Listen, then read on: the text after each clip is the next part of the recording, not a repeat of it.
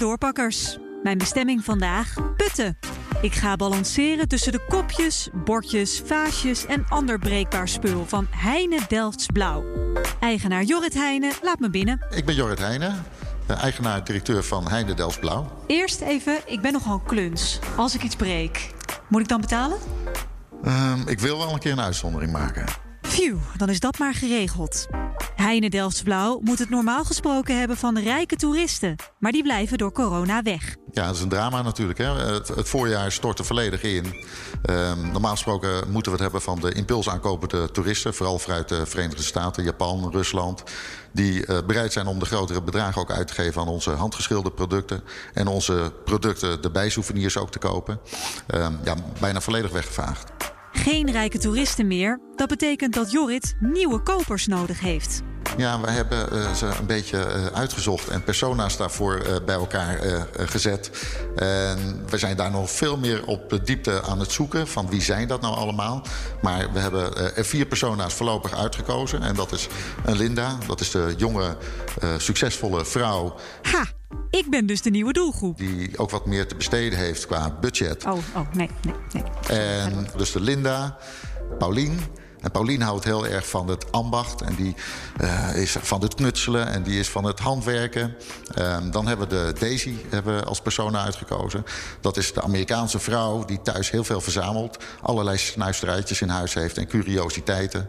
En de Romy. En dat is de jonge enthousiaste vrouw die net voor het eerst een woning heeft. En die nou ja, wat minder te besteden heeft. Maar wel heel hip en trendy is. De Amerikaanse Daisy was dus al de doelgroep, maar Linda, Paulien en Romy komen erbij. Voor hen moeten er dus ook passende producten komen. Dat zijn serviezen met een, een delftblauwe touch, zo kan je het eigenlijk zeggen. We hebben wel versneld allerlei nieuwe producten op de markt gebracht... die de andere dames ook aanspreken. Zoals? Uh, we hebben heel veel leuke uh, decoratieve wandborden voor aan de muur... met allerlei hippe, trendy designs. Maar is dat iets wat, wat ik... Hè, ik voel me ook aangesproken in, ja. in de doelgroep. Ja, wie ben is jij? Dat, ja, nou ja, misschien ben ik een combinatie van de Linda. Ja. Ik denk, BNR zou me iets meer moeten betalen... om echt die, het vaas te moeten te kopen.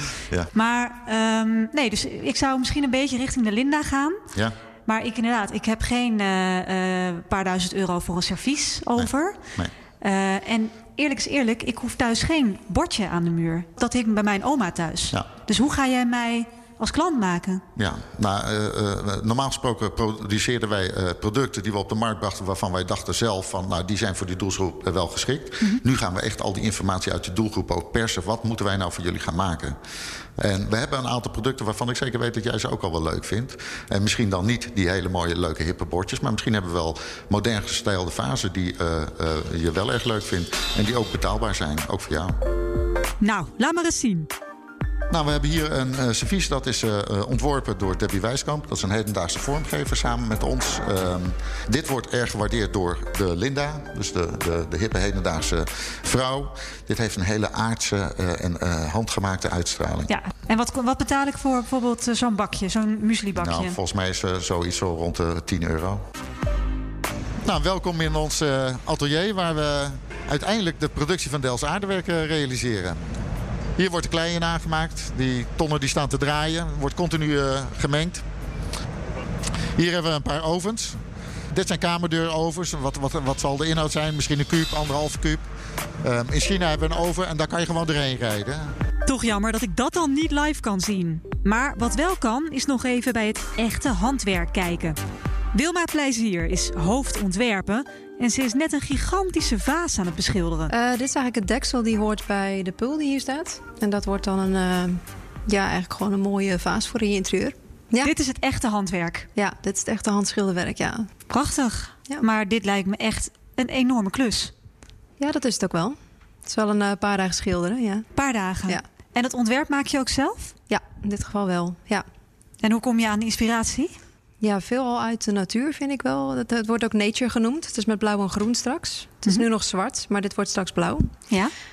In dit geval ben ik van een vogel uitgegaan, dus een papegaai. Papegaai, zie ik, ja. En dan de decors, ja, die komen eigenlijk gewoon een beetje voort uit uh, een, een, arsenaal aan decors in mijn hoofd van Delsblauw. En uh, een beetje op een moderne manier weer uh, vormgegeven. Wat gaat deze kosten? Ja, dat is een hele goede vraag. Dat weet ik niet. Moet Jorrit daarvoor aankijken? Daar moet je Jorrit voor aankijken, denk ik, ja.